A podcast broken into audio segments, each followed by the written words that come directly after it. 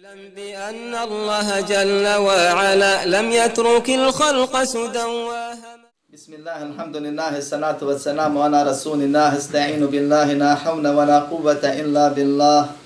اللهم لا سهل إلا ما جعلته سهلا وأنت تجعل الحزن إذا شئت سهلا اللهم أرنا الحق حقا وارزقنا اتباعه. وأرنا الباطل باطلا وارزقنا اجتنابه. ولا تجعل الحق ملتبسا علينا فنضل.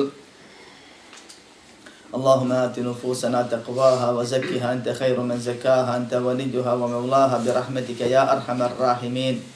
ربنا لا تزغ قلوبنا بعد إذ هديتنا وهب لنا من لدنك رحمة إنك أنت الوهاب. اللهم اجعلنا هداة مهتدين غير ضالين ولا مضلين يا أكرم الأكرمين. اللهم إنا نعوذ بك من مضلات الفتن ما ظهر منها وما بطن. اللهم إنا نعوذ بك من أن نشرك بك ونحن نعلم ونعوذ بك ونستغفرك لما لا نعلم. اللهم إنا نسألك الهدى والتقى والعفاف والغنى. اللهم يسر ولا تعسر. اللهم بارك وتمن بالخير. لا إله إلا الله ولا حول ولا قوة إلا بالله العزيز الحكيم.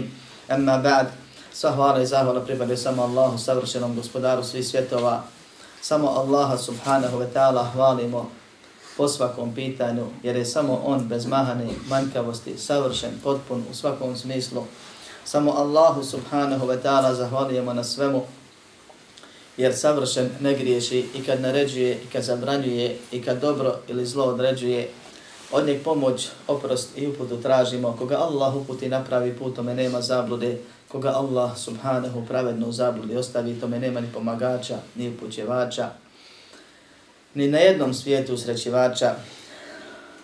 Zato sebi spase kroz Allahov sadovoljstvo tražimo kad sve dok živimo srcem, jezikom i dijelima svjedočimo da nema drugog Boga sem Allaha, jedini i nema sudruga i da je Muhammed sallallahu aleyhi ve sallame Allahov rob najbolji i njegov poslanik posljednji. A zatim mi na putu ka Allahu subhanahu wa ta'ala, a putnici jesmo htjeli to priznati ili ne, možemo završiti samo na jedno od dvije stanice ili na jednom od dva odredišta. Ili u džennetu, kući vječnog užitka, ili u džahennemu, za kojeg Allah kaže, a dovoljno je on kao svjedok koji ga je stvorio, grozno vam prebivalište. Onaj ko hoće u kuću vječnog užitka, mora ispuniti životni cilj, postići Allahovo subhanahu wa ta'ala zadovoljstvo. Ali to se ne postiže osim radeći po onome što je on subhanahu propisao u smislu izvršavanja naređeno koliko se može i klonjenja zabranjeno koliko se može. Koliko god budemo dobri u ostvarivanju ovog cilja, toliko ćemo biti dobri i sretni na ovom i na onom svijetu.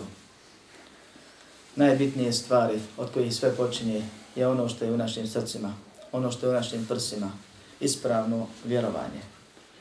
I to je najveće dobročinstvo i najveće dobro. Jer ono nužno proizvodi, proizvodi produkuje, tjera čovjeka na ispravne riječi i ispravna djela. I zato kaže poslanik sallallahu alejhi ve sellem u tijelima jedan organ koji je kad je ispravan, ispravno je cijelo tijelo, a kad je neispravan, neispravno je sve ostalo, to je srce nastavljamo uz Allahovu pomoć i dozvolu sa pojašnjavanjem onoga što je preostalo od propisa, tačaka, temelja vezanih za isla, ispravno islamsko vjerovanje. Ovaj zadnji dio, oni koji su stavljali pod naslov, a šeh nije pravio pod naslov, on je ovo jednom cugu napisao sa ovu poslanicu, nazvali su kao poglavlje u kojemu se navode neke od stvari kojima se upotpuni, upotpunije islam, ispravno islamsko vjerovanje, kao i moralne osobine sledbenika pravog puta, ehli sunnata val džemata. Tako da postoji još niz rečenica koje su opet presovano znanje prije onih direktnih moralnih stvari. Ja sam previdio to pa sam stavio na, rekao da stavi naslov ovaj moral sunnetlija. S tim da ove stvari imaju te kako veze sa moralom. Jer mi imamo, znači, u islamu jednu stvar koju možda ne vidimo toliko velikom ili nismo je svjesni. A hvala Allah uzvišenom, pa nas Allah neće na, po teoriji pitati, nego po našoj praksi, našom, našem životu. Naša vjera je podijeljena na tri dijela. Ubjeđenje, ispravno vjerovanje, ono što ti misliš i znaš o svom gospodaru i onom svijetu i tvojim obavezama prema njemu na ovom svijetu. Obredoslovne ibadeti, ispravne molitve ili obaveze roba prema rabu.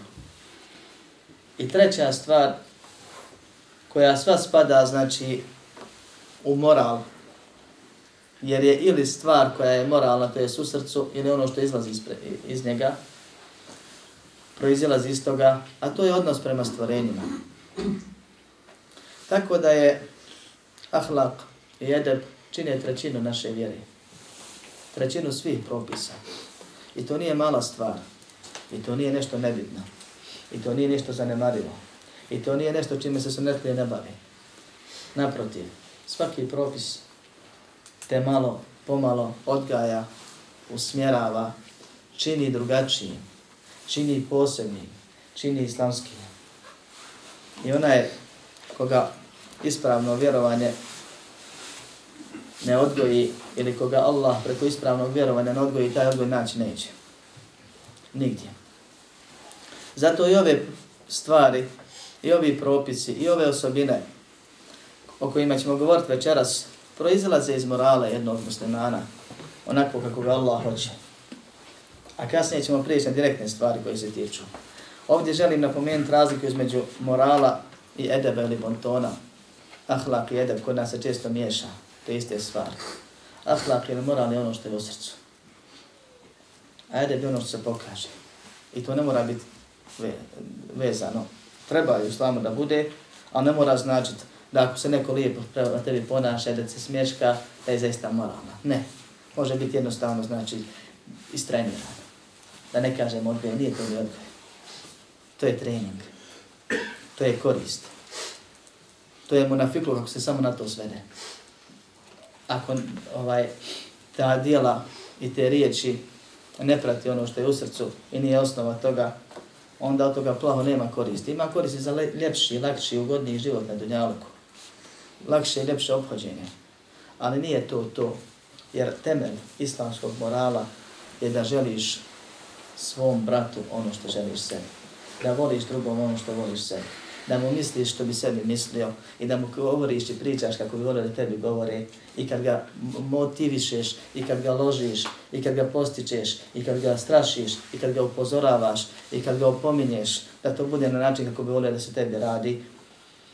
Allah subhanahu wa ta'ala uglavnom propisao te načine, pa kad se držimo šerijata, bit će kako treba.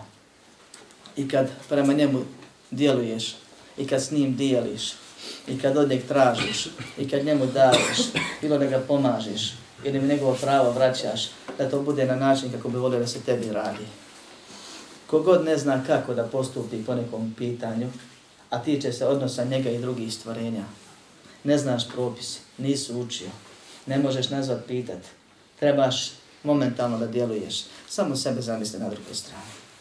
Nećeš pogriješiti postupi kako bi volio da se prema tebi postupi. I kad se ljutiš, i kad se svađaš, i kad kritikuješ, i kad voliš, i sve ostale stvari. Zato kaže šeheh rahimahullah, ثم هم مع هذه الأصول يأمرون بالمعروف وينهون عن المنكر على ما توجبه الشريعة. Zatim oni, ko oni?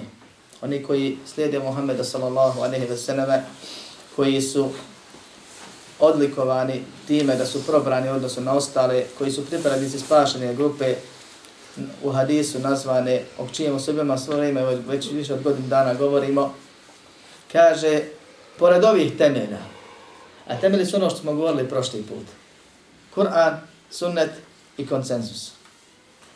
Kad kaže šeheh u zadnjoj rečenci oni kaže vagaju svoje i tuđe postupke na ova tri temelja na osnovu ova tri principa. Uporede sa Kur'anom, za onim što je došlo po tom pitanju Kur'anu, sunnatu i koncensusu, pa kažu, pogodio sam, pogodio si. Promašio sam, promašio si. Kaže, pored tih temelja, oni naređuju dobro odvraćaju od zla i to onako kako je to propisano ili kako to obavezuje šerijat. Kako je to šerijatom propisano, odnosno obavezno. I veoma bitna rečenica. Ovu rečenicu, ovaj dio rečenice, ala ma tu džibuhu šarija, onako kako je to šarijetom propisano. Učenjaci komentarišu u tomovima.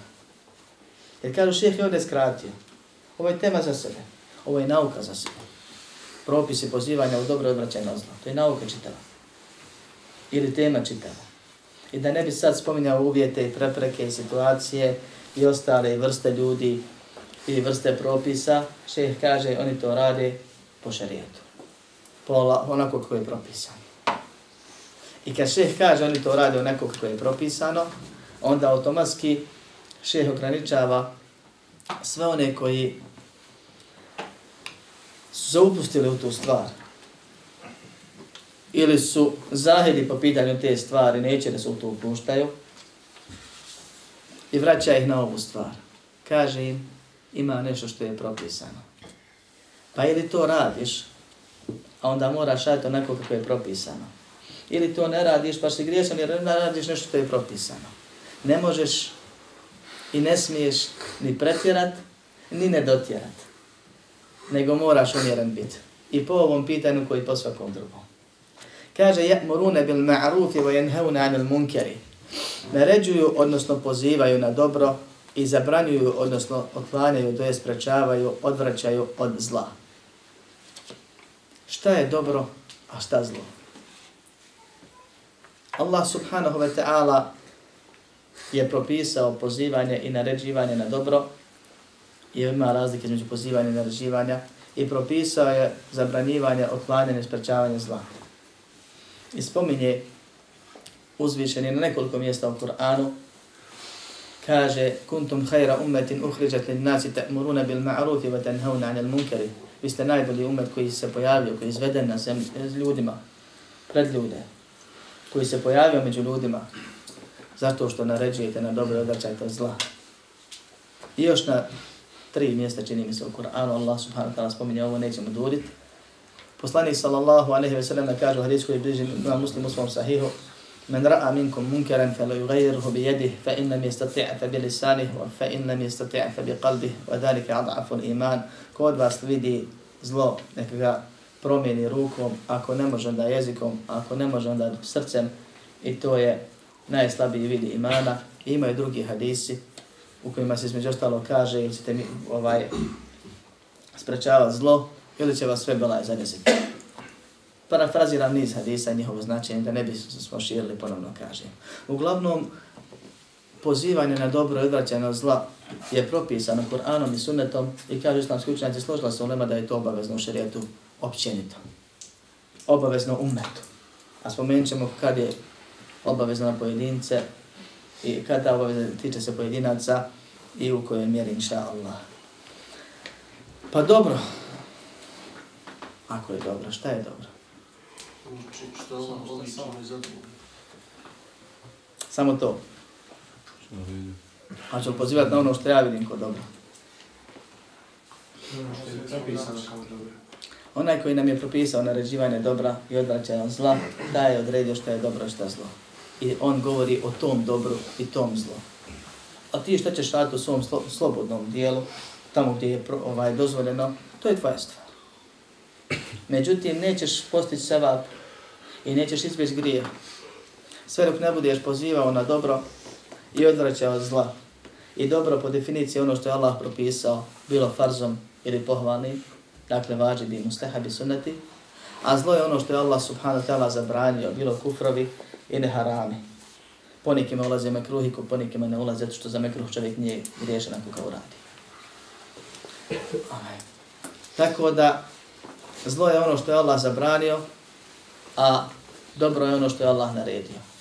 I to dobro i to zlo, odlika sljedbenika pravoga puta je da naređuju ili pozivaju na dobro, a zabranjuju ili odvraćaju zla.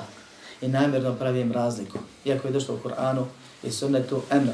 A emr može biti naredba, s tim da ta naredba može biti u smislu obaveze ili pohvalnosti.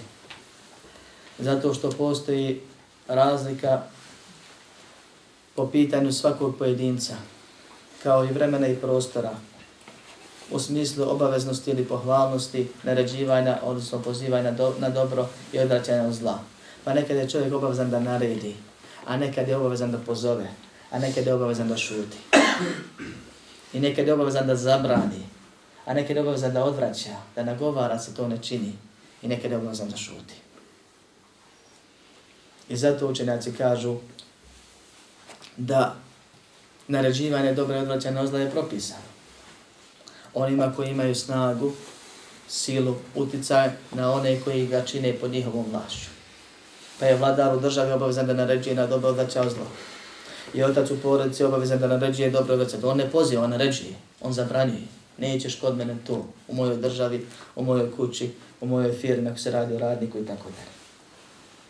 Dok ostali pozivaju. I obavezni su da pozivaju pod uvjetima koje ćemo spomenuti kasnije ako Bog da a ne naređuju, jer ne imaju vlast nad njima i ne mogu ispriječiti. Pozivaju da se dobro čini, nagovaraju i odvrćaju zla. Dobro, ja spomenu malo prije počeo s moralom, ima ovo veze kako je s moralom ljudima. A? Što mi naređujemo na dobro odvrćamo zla? Ko je bio četvrtak s nama, pošto ima, imali smo sličnu temu. Koji su razlozi zbog čega mi to radimo? Zbog nagrade. Zbog nagrade. Sevapa. Samo.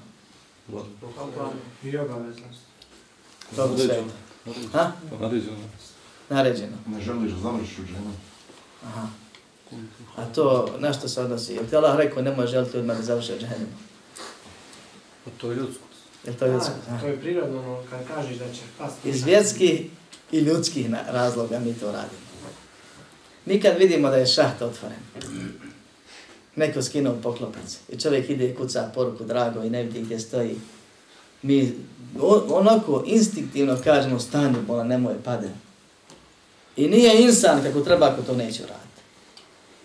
Ne želiš čovjeku da propadne u šaht. A kako da mu želiš da propadne u žehennem? Da nije naređeno. Da nije pohvalnim učinjeno, učinjeno. Vjernici bi to širili i radili. Onaj ko je osjetio slast imana, želi da ga svako osjeti. Onaj ko je počašćen spoznajom o pravom putu i pomognu da krene bilo kako tim putem, želi da svi budu ko oni. I zato neka znamo biti naporni, ali to se vraća na nešto drugo, o čemu ćemo kasnije malo, jer ne znamo pravila, a imamo žene. I pravi vjernik ima želju da se svi spase. Kad je on spoznao da ima put spasa i vidio gdje je put spasa, on želi da se svi spase i to je ljudsko i to je onaj moral. Što voli i drugima, što voli sebi. A rekli smo da je to temelj islamskog morala. A zatim je Allah subhanahu wa ta'ala to još naredio. Pa se osjećaš grešnim ako to ne uradiš. I osjećaš se, znači, da si sevap dobio ako to napraviš. Pa se trudiš iz vjerskih razloga da to učiniš. Onda je kad si lijen i kad se ne radi, kad nije baš situacija, opet to uradiš po pravilima. Kaže, oni pored ovih temelja naređuju na dobro, to jest ako imaju vlast i uticaj, ili pozivaju na dobro, nećemo plaho oko ovoga sad, bit će možda nekad kasnije posebna tema, nevizano za ovu knjigu. I sprečavaju, zabranjuju, odvraćaju zla, shodno situaciji i stanju, ana ma tuđibuhu šarija, po šarijanskim pravilima. Imaju tu pravila. Nije Allah rekao samo pozivajte ili sprečavajte i ostavlja nas. Jer da je samo tako rekao, stanje bi bilo onako kako je danas među nama. Ali nije do Boga do nas je.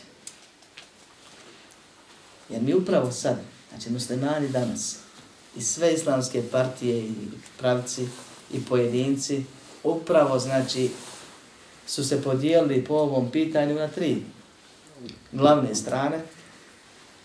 Prvi su oni koji kažu nije obaveza pozivati na dobro i ne tiču se nas drugi ljudi i da Allah ti uputio bi. I još neke druge stvari, pa kažu mudrost je kad ti spoznaju, skupljaš i puniš u jednu veliku kacu u jednu veliko bure, a ono kapa, jer znanje ne ide nikome puno. Pa kad dođeš, ako nekad tokom života osjetiš da ono preljeva, ono što prelije, kaže ti daj drugima. Ovo nema ni šerijatske, ni druge logike. Jer nema osobe koja će reći, e ja sam sad pokupio svo znanje, imam viška. A znanje je propisano kao sredstvo, a ne cilj, da se po njemu radi. Ako sam ja nešto naučio i počeo to promjenjivati i znam da tako moram ili trebam i vidim od toga koristi, na meni je i ljudska i vjerska obaveza da to širim drugima. Ne moram čekati da pokupim svo znanje svijeta pa da ono još prelije nekud od nekud. Pa da ja onda to dijelim drugima ako šta bude viška, ako ne bude, alhamdulillah. I to je jedna znači strana, nećemo imenovati. Oni tvrde i odustali su od pozivanja, imaju svoje krugove gdje oni šire znanje postepeno po krugovima svojim ovaj učenicima.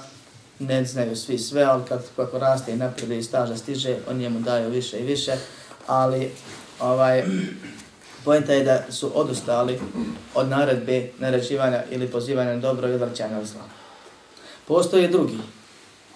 I tu su tri, četiri sekte uvrštene koji smatraju, isto što smatra ehli sunnet val džemaat, da je obaveza u osnovi naređivati ili pozivati na dobro, odvraćati od zla. Pa jedni kažu obaveza je naređivati. I svi moraju naređivati. I svi moraju zabranjivati. I nastane nered totalni. Jedni kažu obaveza je samo pozivati. Jedni kažu ovo ili ono. Ali pojenta je da su svi složni na jednoj stvari da nisu uvrstili tu da ima i metoda pozivanja i metoda naređivanja i uvjeti i prepreke, a ne, znači da je propisano i kakvoća naređivanja, ne samo naređivanja. I kakvoća zabranjivanja, ne samo zabranjivanja. I zato to radi na svoju ruku. I zato imamo više štete nego koristi. I čovjeku ne može jasniti da on, iako se poziva na Kur'an i sunnet, pravi nered pravi nered sebi i drugima. Čak znači pravi problem širenju Kur'ana i sunneta, zato što on samo vidi hadis kod vas, vidi dobro, neka ukloni zlo, neka ukloni rukom i on ne zna ni za što drugo, ni njega zanima što drugo, ni to ne više da sluša. A nije da nije inteligentan, da ne može, nego neće da sluša. I dobro je. I ti ne otklanjaš, ja otklanjam, ja sam u pravu, ti su krivu i završeno. Šta je rezultat? Ili glavna stvar na koju se vade, hadis je jasan. A jasni su i drugi propisi. Allah subhanahu wa ta'ala u Kur'anu kaže i ovaj ajet vredi ama baš za sve situacije. La yukellifu Allahu nefsem illa vus'aha. Allah ne opterećuje nikoga preko njegove mogućnosti. Fattaku Allaha mestata'atum. Bojte se Allaha koliko god možete. Što ne možeš ni i ne moraš. Allah subhanahu wa ta'ala u Kur'anu kaže nemojte vrijeđati božanstva onih, ili nemojte vrijeđati psovat one koje obožavaju pored Allaha ako će to, ako će oni time fe jesubu Allahe advan bi gajri ilm, ako će oni time, kaže, ili zbog toga psovat Allaha. Na mnogim mjestima drugim je propisano i Allah subhanahu wa sam se smijava sa njihovim božanstvima i poslanci se mi to radio, Ebu Bekri, Omer i drugi. Ali u jednoj situaciji Allah zabranjuje. Ako znaš da osoba koju ti budeš kritikovao njegovog kipa, uzvratit će ti pa će ti vređati Allaha uzvišenog, nemoj to rad, ne smiješ. Allah zabranio. Zabranio je nešto što je propisao. Zato što je šteta neće. I niz drugih dokaza, nećemo ih sad plaho spominjati, koji vode do onoga što se zovu uvjeti pozivanja na dobro odvaća na zla. Prvo je sposobnost. Da budeš u stanju. I zato ako nisi u stanju da narediš, možeš da pozivaš. I to je uvjet za sve ibadete, pa nećemo da napominjati posebno. Nego učenjaci kažu, postoje uvjeti prije dijela, tokom dijela i nakon dijela, koji se svode na tri stvari. Znanje, blagost i strpljivost. Znanje nam treba prije dijela, prije grijeha koje vidimo da neko čini. I to znanje su znanja, a ne jedno znanje. Mora znaš šta je Allah propisao ili šta je Allah zabranio i kome je Allah zabranio. Moraš znat i biti ubijeđen, kaže, kod vas vidi dijelo, da je zaista taj insan to učinio. Ako nisi siguran, moraš pitati. Kaže poslanik sa osrem, kad je vidio ashaba da ima narukvicu, kaže šta ti je ovo? Kaže od toga i toga, o slabosti. Kaže skini to, baci to. To ti samo slabost povećava. To ga pita šta je, sve što to nosiš? Nije isto radi ukrasa i radi suje vjere. Pa ako ne znaš, pitaš. Mora znat jesi li obavezan ili nisi. Jer ima tu razilaženje ili nema. I tako dalje. Ako hoćeš se usuditi da pričaš, da pozivaš, da kritikuješ, da napišeš komentar na Facebooku. Najveći oduzimač vjere onima koji su duže ovjeri je Facebook. Znači nagriza je ko ne znam šta. Nema lakše stvari za naučiti vjeru i popravi se ovjeri od njega danas. Dostupno milion stvari. A kad insan sebi misli da je pokupio svo znanje svijeta, pa počne u njeg da preljeva iz one kace, ovaj, pa počne onda širi svakome, e onda Boga mi ide naopako sve. I onda se upušta u komentare i u sud o ljudima i priče i prigovore i rasprave i kritike i više od toga ovaj, sa ono, ono frtalj, ma nije ni frtalj znanje što ima i to često pogrešno ovaj, nasađenog, moram se ovako izražavati, jer šta god da kaže malo ovaj. je. Zato čovjek mora da zna. Pa na primjer, evo jedan prost primjer, u danu Ramazana, ne kritikuje se svaka žena što ne klanja i što jede. Jer imaju žene dane kad ne smiju klanjati i ne smiju postiti. Znači nije dovoljno samo da znaš da je Ramazan i da znaš da ko ne klanja nije musliman i da sad koga god vidiš da jede i plus bolesnici, plus musafir, plus druge situacije. Jer dešava se puno ružnih stvari od ljudi koji nauče dio propisa, a ne nauče cijeli propis ili ne nauče kad hoću pojašnjavati tog propisa.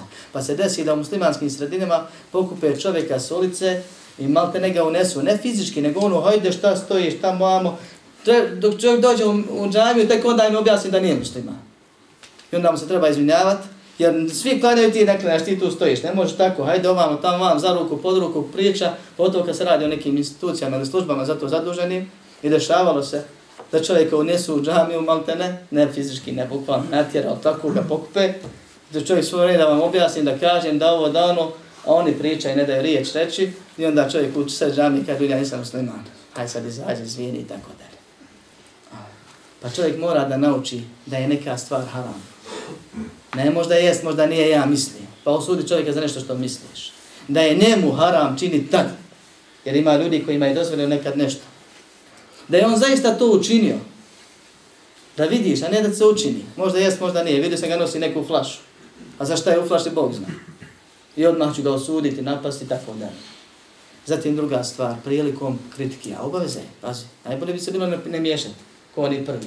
Ali ne možemo. Propisano je da se trebamo miješati kad možemo. Ali pod ovim uvjetima. Onda drugi uvjet nakon znanja je blagost. Da to bude blago, kao što kaže poslanik sallallahu alaihi wa sallam u vjerodostojnom hadisu, nije blagost bila ni u čemu da ga nije ukrasila i nije nigdje falila, a da ga nije unakazila. Znači ono što je propisano, što je u redu, što je ispravno, u osnovi, ako nije s blagošću, prezentirano. Osim onda kada je propisano izuzetak, u svakom pravilu ima izuzetci, alhamdulillah, pa poslani se znao da upozorava na ljude i da galami iz mimbera, da mu se lice zacrveni, a vene oteknu napnu, ko prsti, na vratu. Kad situacija to zahtjeva. Ali osnov je bio blag. Tako da blagost nigdje nije, znači bila da ga nije ukrasila, i nigdje nije fala da ga nije unakazla, kao što kaže poslani sallallahu alaihi ve sallam, i zato kad priđeš čovjeku ne vidiš ga da čini grijeh, ti možeš biti između dvije stanja i to se direktno na tebe reflektuje. Jer musliman je ovaj, e, vjernik je ogledalo vjerniku, ko što je došlo u hadisu. I to ima puno značenja, jedno od značenja je ovo. Ti možeš sada da se uzoholiš i da se digneš i da kažeš kako to radiš i šta to radiš, prije sve da pomisliš. Kako on musliman može to raditi? A ne bi ja to nikad. I sad čekaš koji mjesec ili godinu pa se nađeš u istom griju. I Allah neće zaboraviti ako si ti zaboravio. Ili možeš da ga sažališ, da mu se smiliješ, da ti bude žao što to radi, da se prepadneš za njega, ode čovjek u džehennem, pa da mu priđeš s milošću. U startu, znači ono što te tjera da kreneš, pored obaveze i svjesnosti, Može biti oholost ili milost, poniznost. Da mu želiš da bude ko ti, a ne da propadne. Zatim način kako ćeš to reći. Možeš odozgo ili ljudski.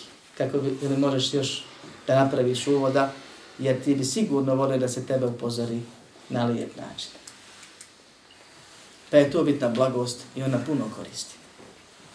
I zato je došlo u hadisu poznatom u Sahihu da u onoj priči o Beduinu i njegovom dijelu pa kad je poslije klanjao s poslanikom sallallahu alaihi wa sallam kaže čuo ga je da, da dovi u namazu Allahumma ihfirli, wa gfirli wa Muhammeda wa Allahumma arhamni wa Muhammeda wa la tarham ma'ana ahada Allahumma smiluj se meni Muhammedu i nemoj nikom drugom.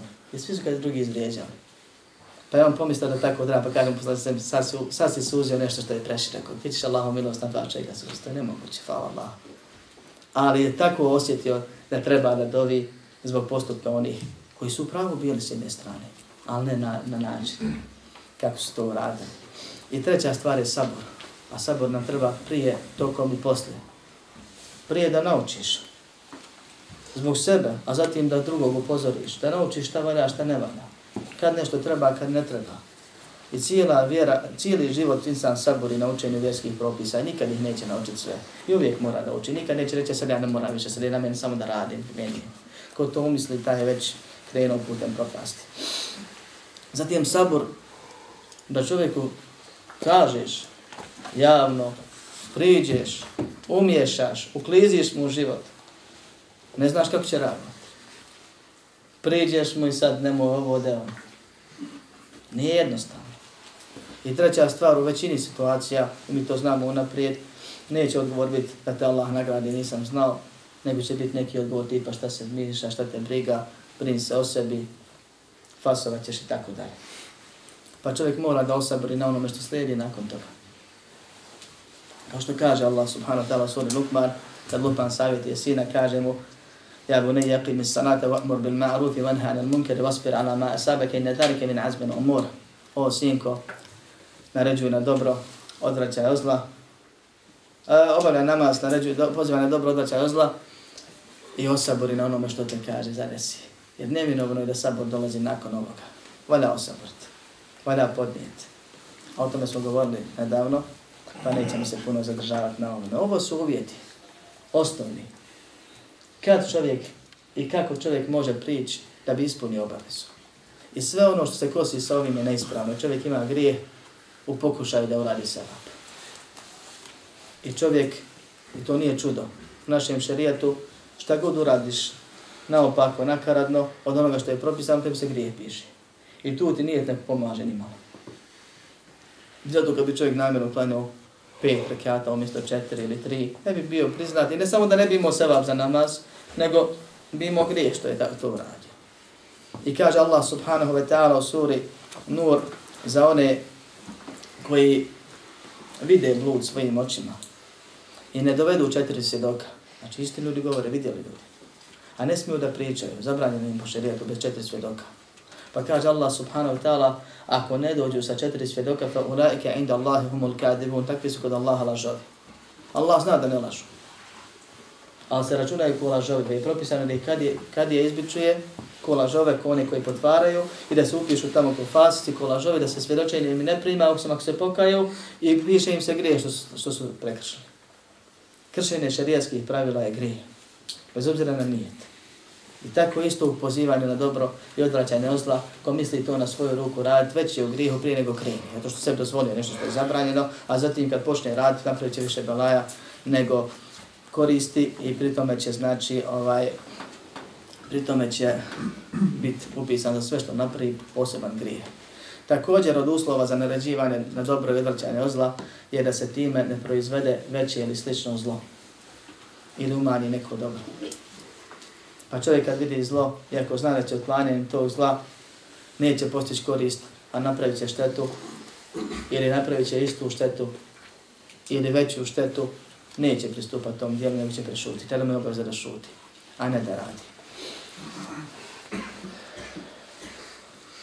Ovo je otkratko, znači pojašnjenje ovih riječi, ono što obavezuje šarijet, iako je ova tema puno veća od toga, ali ono što je najbitnije da se izvede iz ovoga je da oni koji su spoznali riječi poslanika sallallahu alejhi ve selleme kao što kaže u hadijskoj bliži Buhari u svom sahihu kullu umeti yadkhuluna al-jannata illa man eba, svi će, svi će, kaže, iz mog umeta ući u dženet, osim onaj ko odbije, kila men jeba, ja Rasulallah, kažu, ko će odbiti Allahu poslanče, kada men ta'ani dehala al dženne, wa men asani, faqad eba, ko mi se pokori ući u dženet, ko mi se, ko mi odbije, ili ko mi se ne pokori, ko bude nepokoran, taj sam odbio, neka znaju da se ta pokornost odnosi i na ovu stvar i na sve druge stvari i da musliman kad pobije najveću blagodat, to je uputa, kad bude počašćen time da shvati šta je pravi put, da ima pravi put, kad bude mu jasno osvjeten pravi put s poznajama kojima je ga Allah počastio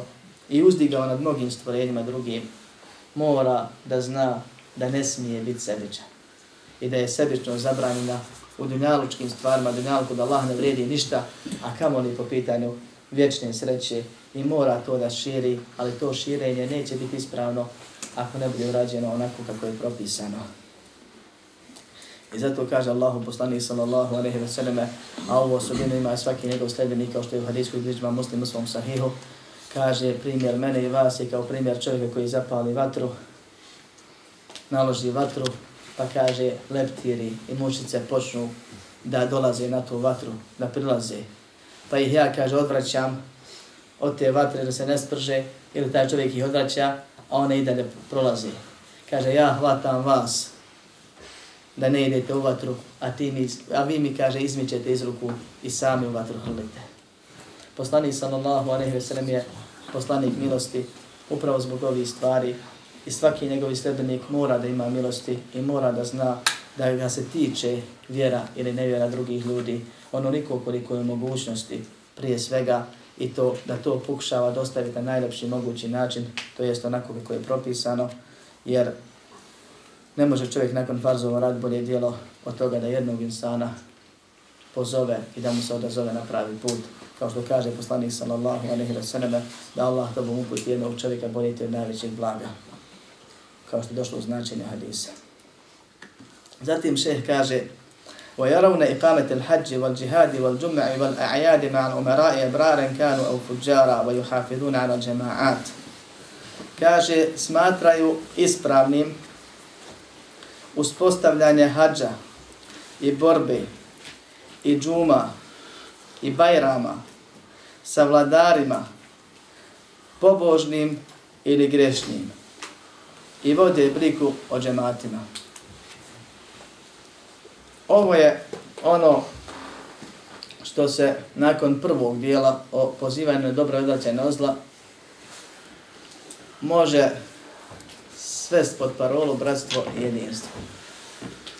I niko bolje nije odradio i razradio i donio i primijenio bratstvo i jedinstvo od islama i muslimana. Jedino mi imamo obavezu bratstva i obavezu jedinstva i to onog pravog. Allah nas stvorio, zna kako funkcionišemo, zna šta nam godi i šta ne godi, zabranje nam ono što nam smeta, što nam nered pravi, propisa nam sve ono što nam koristi, da nam samo da primjenimo. Ako primjenimo, bit će obraće. I Allah kaže, nema mu'minu ihva. Zaista su vjernici braća. I spominje još primjere, nećemo moći večera stići, već smo uzeli puno vremena, ali bit će ako Bog da uskoro, primjere kakvi su muslimani kao braća i šta znači bratstvo. Zatim, je Allah subhanahu wa ta'ala propisao niz propisa vezanih za jedinstvo, ujedinjavanje. I upozorio na razjedinjavanje, podvajanje, cijepanje. I to je jasno definisanom Kur'anom, sunnetom, konsensusom islamskih učenjaka i u svakoj knjizi od islamskog, islamskog vjerovanja, islamske akide, od prvih knjiga, od prije 1200 i nešto godina koje su pisane, do današnjeg dana je spomenuto. Jedni od drugih prepisuju zato što naša vjera lanac, prenoslaca mi ne izmišljamo ništa. Ali stoji to fino navedeno. I to nije ispolitizirano i to nije sektaški, kao što neki žele reći, zato što su pogrešili po tom pitanju, nego je obaveza muslimanima da se ujedine na svemu na čemu se slažu. Obaveza. Da se drže zajedno. ondje gdje moraju. Pa ako se neko podvoji u nekim stvarima, imaju pravila kako se prema njemu obhodi, ali ostaje ti brat sve dok je uvjeri i ostaje ono pravilo pomažite se na dobročinstvu, bogobojaznosti, a nemojte se pomagati na griješenju i neprijateljstvu, nepravdi, onoliko koliko se slažemo, koliko smo ispravni, koliko možemo da zajednički radimo. Obavezna je saradnja među muslimanima. Kaže, smatraju ispravnim uspostavljanje hađa i borbe i džume i bajrama sa vladarima pobožnim ili fuđar. Fuđar znači ekstra griješni. Ti najgori, ali ne nevjernicima. Znači nije bitno koliki je grije, samo da nije nevjesto. I to je definisano hadisima u muslimovom sahiju, baš ovako. Šta znači ovo? Muslimani su živjeli u islamskoj državi, u islamskoj šerijetskim državama, u hilafetu. I to je osnova. A ispravno je da žive u podvijenim državama i muslimani su, ako i ne žive u islamskoj državi. Ali osnova je to bila. Pa islamska država ima islamski sistem na čelu sa islamskim vladarom. Taj čovjek može biti pobožan, manje pobožan, malo griješan, puno griješan, ekstremni grešnik. Ako taj čovjek, a on uređuje sistem, naređuje, poziva, zabranjuje, postavlja pravila, postavlja imame, postavlja sudije, proglašava obaveznom borbu, poziva na odbranu države i tako dalje i tako dalje. Ako taj čovjek je grešan, onda postoji niz sekti u islamu koji kažu nemo, nema mislim ništa. Naproti treba se odvojiti, neki kažu. Pa su ljudi pravili sela unutar hilafeta. Pa su ljudi devetorica znali otići u planine ko biva pobuni se protiv hilafeta. I bilo je svakakvih čuda kroz istoriju islama. Zato što su govorili, nema mi s njim ništa, on ne greša, on se ne pokorava. Pokoravat ćemo se kada se ne, dok se pokorava, a nećemo kad se ne pokorava, to je ispravna parola, samo pogrešno razumije neko mnoge druge stvari. Pa, s obzirom da je on grešan, mi se neće u njemu pokoravati ni onome što je dobro. Kaže Allah poslani sallallahu alaihi sallam, la ta'ata li mahlukin fi ma'asijeti al-khaliq. Nema pokornosti stvorenju grešenju prema stvaritelju. Kad ti poziva na grije, neš ga poslušati. Ali kad te taj grešnik poziva na dobro, moraš s njim zajedno raditi. Ako ti je vladar, moraš ga slušati, moraš mu se podčiniti. Pa su li muslimani, znači, tako sistemski organizovali putovanja na hač. Često bi vladar predvodio tu karavanu i zajedno bi išli. Puno je lakše kad zajedno idu zbog drumskih razbojnika, zbog svega, pogotovo u prijašnjim vremenima, kad je toga bilo puno. Ali pojenta je znači da ako bi se organizovalo odlazak na hač od strane sistema, dozvoljeno je ispravno da se s njima ide na hač, to je pojenta ovih rečenica, bez obzira da li bili griješnici, da li bili novatari, sve nisu nevjernici. Jer to znači fuđara. Isto tako kad organizuju džumu, kad organizuju bajrame, kad organizuju, odnosno, ja, kad organizuju borbu, prije svega ovdje se misli na odbranu, a i drugu borbu u islamskoj državi, naravno, ovaj, kad propišu, kaže vladari emiri prije svega. I na ovom, po ovom pitanju je došao niz hadisa i većina ih je u muslimovom sahiju, dakle nema, nema sumnje u njehovu vjerodostojnost, da ne bi neko mislio nešto drugo. Nažalost, mi ovo moramo pričati našim ljudima, moramo se objeđivati. Ovo je bilo normalna stvar u islamu stoljećima, osim ko pojedinaca. Poslanik sallallahu alejhi ve selleme kaže: "Bit vidjet ćete čudne stvari, velika razilaženja. Vidjet ćete mnoge zulume." Pa kažu šta da radimo? Kaže pokoravajte se. Čujte i pokoravajte se. Čujte i pokoravajte se, kaže u lahkoći i teškoći. I kad vam je drago, kad je, vam je mrsko. Pa kaže doći vladari koji će činiti zulum. Pa kaže hoćemo li ih maknuti to Allahu poslanče? Kažem, ne. To je maknuti, misli, vobunom. Kaže ne. Sve dok klanjaju. Ne. Sve dok kaže ovaj, ne vidite kod njih jasan kufr, jasno nevjerstvo, zašto imate kod Allaha dokaz. Ne, u trećem hadisu, makar ti kaže otimo i metak i udaro u vratove leđa, čubiju. Ne smiješ se buniti, u smislu pobune. Ne, neće, neće reći tako treba, u redu. Jezikom je nešto drugo. Ali pobuna i skidanje vladare i pravne cijepane države i slabljenje ne smije se o islamu. Sve dok je, znači, musliman sve dok klanja, sve dok ovaj, i ono što on propiše od ispravnih stvari, poput organizacije džemata, džamija, džuma, bajrama, ovaj, putovanja nahađ i drugih stvari odbrane države, s njim je propisano i dozvoljeno učestovati i ahli sunet je uvijek bio na toj zajednici. Uvijek bio na toj zajednici, na, to jest na stavu da je obaveza biti dio takve zajednice. I na tome su fetve islamskih učenjaka i kasnije, kad se raspo sistem i kad su raspali se hilafeti i kad su nastale razno razne državice i kad su postavili na pitanja šta da radimo s njima, oni su takvi i takvi, rečeno je učestvujete s njima onome što je ispravno, a ne učestvujete onome što je neispravno. U cilju očuvanja jedinstva i zajedništva. Kada boju hafiduna ala džemaat i vode brigu o džematima. Ovdje se prije svega misli o namazu džematu. Sjećam se jedne anegdote od strane jednog naših brata na početku studiranja, kad kaže mi smo ehli sunat al džemaat, to je sklanjamo na sunat idemo u džemaat. Ovaj, nije to definicija ehli sunata, ali je jedna od odlika, braćo moja. Je jedna od osobina. Da, ako smo sunetli, najprije ćemo klanjamo sunetli Isto tako, namaz u džematu je obavezan onima kojima je obavezan u određenoj, znači, udaljenosti od džamije i tako da trebaju namaz klanjati od džamije. I ako imaju opravdan razlog, ne, ne idu, ali inače idu. I potom se poznaje sunetlije, da se drže suneta u vjerovanju, u izgledu, u obredoslovnom ibadetu, u ponašanju, pa samim time i u klanjanju, od načina klanjanja, vremena klanjanja, mjesta klanjanja i tako dalje. Isto tako ovo džemaat može znači zajednice, to je drže se zajednice, a to je ono što sam malo prije govorio.